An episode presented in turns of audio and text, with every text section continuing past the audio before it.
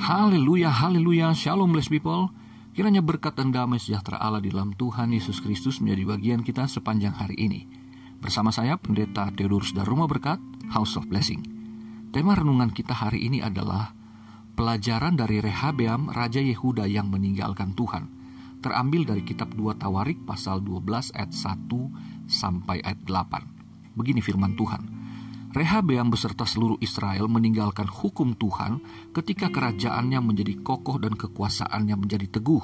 Tetapi pada tahun kelima zaman Raja Rehabeam, majulah Sisak Raja Mesir menyerang Yerusalem karena mereka berubah setia terhadap Tuhan. Dengan 1.200 kereta dan 60 ribu orang berkuda, sedang rakyat yang mengikutinya dari Mesir, yakni orang Libya, orang Suki, dan orang Ethiopia, tidak terhitung banyaknya ia merebut kota-kota benteng yang di Yerus maaf, kota-kota benteng yang di Yehuda bahkan mendekati Yerusalem. Nabi Semaya datang kepada Rehabeam dan pemimpin-pemimpin Yehuda yang berkumpul Yerusalem berhubung dengan ancaman Sisak dan berkata kepada mereka, Beginilah firman Tuhan, kamu telah meninggalkan aku, oleh sebab itu aku pun meninggalkan kamu juga dalam kuasa Sisak. Maka pemimpin-pemimpin Israel dan raja merendahkan diri dan berkata, Tuhanlah yang benar. Ketika Tuhan melihat bahwa mereka merendahkan diri, datanglah firman Tuhan kepada Semaya, bunyinya, mereka telah merendahkan diri, oleh sebab itu aku tidak akan memusnahkan mereka. Aku segera akan meluputkan mereka dan kehangatan murkaku tidak akan dicurahkan atas Yerusalem dengan perantaraan sisak. Tetapi mereka akan menjadi hamba-hambanya supaya mereka tahu membedakan antara mengabdi kepadaku dan mengabdi kepada kerajaan-kerajaan duniawi. Nah, blessed people sudah terkasih dalam Tuhan, kisah ini tentang Rehabeam yang merupakan anak dari Salomo, Raja Israel. Rehabeam ini menjadi Raja Yehuda atas eh, kerajaan yang sebagian, yaitu kerajaan selatan. Karena Tuhan telah memecah kerajaan Israel menjadi dua akibat dosa Salomo yang berkompromi dengan dosa penyembahan berhala ketika ia mempunyai banyak istri. Saudaraku, sayangnya Rehabeam kemudian berlaku seperti Yerobeam, raja Israel yang menjadi musuh abadinya. Nah, apa yang dikatakan sama aja dia dengan Yerobeam? Yaitu ketika ia meninggalkan Tuhan Allah Israel. Itu sebabnya saudara, Tuhan menghukum Rehabeam dan Yehuda melalui Sisak Raja Mesir di ayat yang kelima tadi. Nah sekarang pertanyaannya, mengapa Rehabeam meninggalkan Tuhan? Ada tiga poin yang ingin saya sampaikan. Yang pertama saudara, mengapa Rehabeam meninggalkan Tuhan? Karena ia merasa kuat tanpa Tuhan. Di ayat 1 dan ayat yang ke-13 dikatakan bahwa ketika kerajaannya menjadi kokoh dan kekuasaannya menjadi teguh, Raja Rehabeam menunjukkan dirinya kuat dalam pemerintahannya di Yerusalem. Ayat 1 dan ayat 13. Saudaraku, Rehabeam menjadi kokoh, menjadi teguh, dan menjadi kuat. Itu semua karena anugerah Tuhan. Tuhanlah yang telah memilih dan mengangkat dia untuk menjadi raja atas Yehuda. Karena dia keturunan Daud yang nantinya melalui keturunannya di masa depan akan melahirkan Mesias, Tuhan kita Yesus Kristus. Tetapi Rehabeam lupa bahwa dia tidak bisa berada pada posisi di mana ia menjadi raja yang kuat karena Tuhan, anugerah Tuhan semata, saudara. Bukankah hal-hal seperti ini sering kali juga terjadi dalam hidup kita? Saudaraku, ketika Rehabeam dan Yehuda atau seluruh Israel meninggalkan hukum Tuhan, itu berarti mereka dianggap sama dengan telah meninggalkan Tuhan. Saudaraku, ketika kita belum apa-apa atau belum siapa-siapa, sering kali kita setia beribadah, setia berdoa, setia baca Alkitab, setia untuk melakukan aktivitas dalam kegiatan-kegiatan gerejawi. Tetapi ketika seiring dengan usaha yang berhasil, pangkat dan jabatan yang naik, dan karir kita cemerlang, prestasi akademis gilang gemilang, maka sering kali kita sebagai umat Kristen lupa bahwa semua itu anugerah Tuhan. Tuhan punya rencana yang indah. Sebagaimana Rehabeam menjadi raja diberkati oleh Tuhan dengan kekuatan karena Rehabeam menjadi jalur akan lahirnya Mesias. Kita juga demikian saudaraku. Ketika diberkati dengan hebat oleh Tuhan, itu semua karena Tuhan punya tujuan yang mulia bukan tentang kitanya, tapi demi kemuliaan namanya di mana kita akan menjadi berkat bagi orang lain untuk menyaksikan namanya, nama Tuhan Yesus Kristus. Saudaraku, jangan lupa ya untuk senantiasa berpegang pada hukum Tuhan. Ya. Karena apa? Karena di dalam hukum Tuhanlah kita akan memiliki kekuatan untuk berbuat yang benar. Karena dari hukum Tuhan kita tahu yang benar dan yang salah. Kita tahu yang kudus dan yang najis. Kita tahu mana yang baik, mana yang jahat. Sehingga saudaraku, ketika kita diberkati, kita senantiasa ingat bahwa sekali lagi ini bukan tentang kita, tetapi tentang Tuhan, tentang kemuliaannya. Yang kedua, Mengapa Rehabeam meninggalkan Tuhan saudara? Karena ia dipengaruhi oleh kerajaan-kerajaan duniawi. Di ayat yang ke-8 tadi, ayat penutup kita di pembacaan ayat pokok.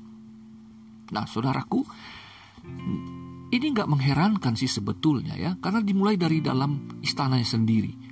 Ibu dari uh, Rehabeam atau istri dari Salomo adalah Naamah, perempuan Amon bangsa yang menyembah berhala, menyembah ilah atau dewa-dewa yang dimusuhi Tuhan Allah Israel.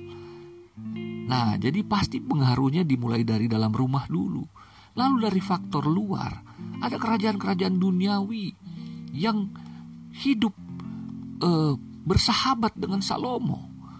Bukankah kita membaca cerita kisah tentang Salomo bagaimana karena hikmat yang Tuhan anugerahkan itu bangsa-bangsa datang untuk menjalin persahabatan dengan Salomo dengan upeti yang begitu banyak secara uh, secara harta bendawi dan tidak lupa upeti berupa istri-istri yang akhirnya menjatuhkan Salomo ke dalam penyembahan berhala yang menyebabkan kerajaan Israel terpecah menjadi dua bagian.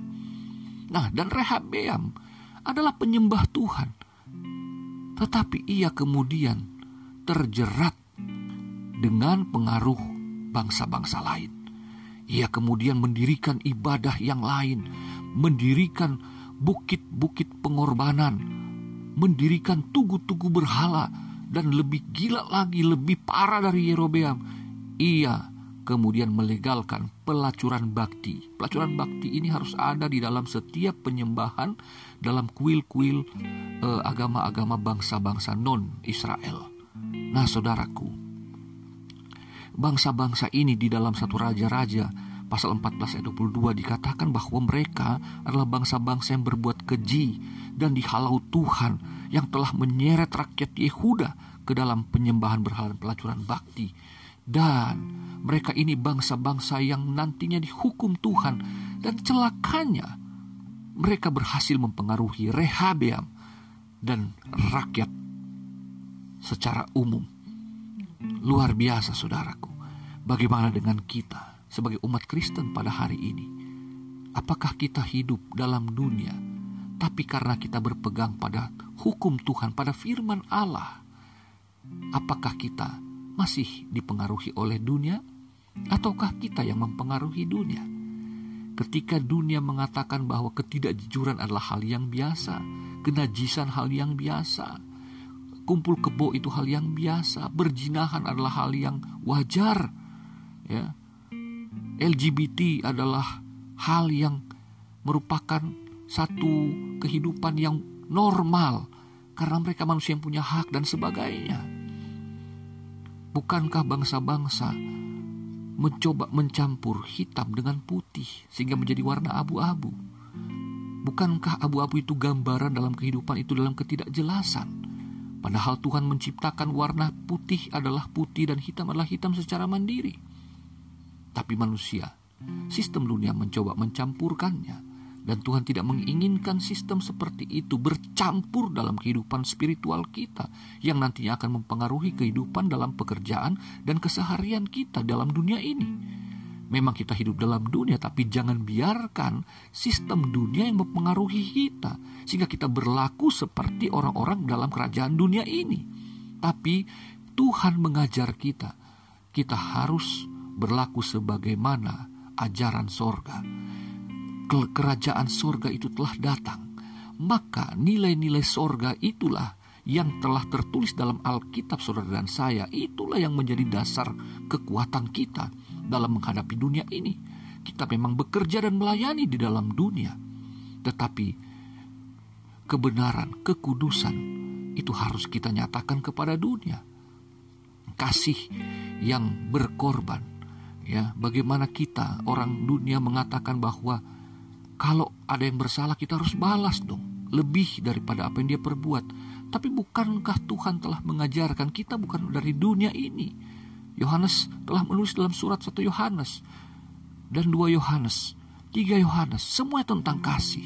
Bagaimana kita berlaku seperti Kristus yang datangnya dari sorga, sehingga kehidupan kita di dalam bersosialisasi adalah kehidupan yang memberkati siapa pun yang kita temui, di mana pun kita berada. Integritas, kejujuran, kebaikan, perbuatan-perbuatan cinta kasih itulah nilai-nilai kerajaan sorga yang harus kita bagikan kepada dunia ini. Bukan sebaliknya. Kita menyembah Allah dan bukan mamon. Kita butuh mamon, tapi bukan sebagai pengganti Allah. Tapi Allah lah sebagai sumber kehidupan dan mamon itu dapat kita pakai untuk melakukan pekerjaan pekerjaan sorga.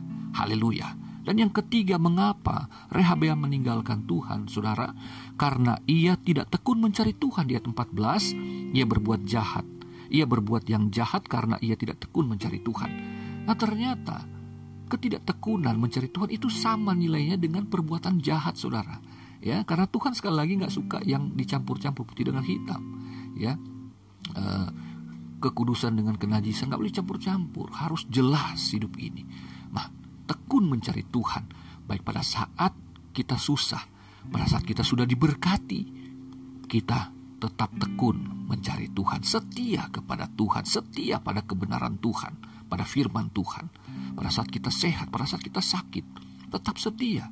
Tadinya sakit banyak berdoa banyak bergumul tapi ketika sehat lupa akan Tuhan. Nah, jangan seperti itu. Itu jahat kata firman Allah. Mari kita tekun mencari Tuhan karena Rehabiam ini sebetulnya dia percaya Tuhan.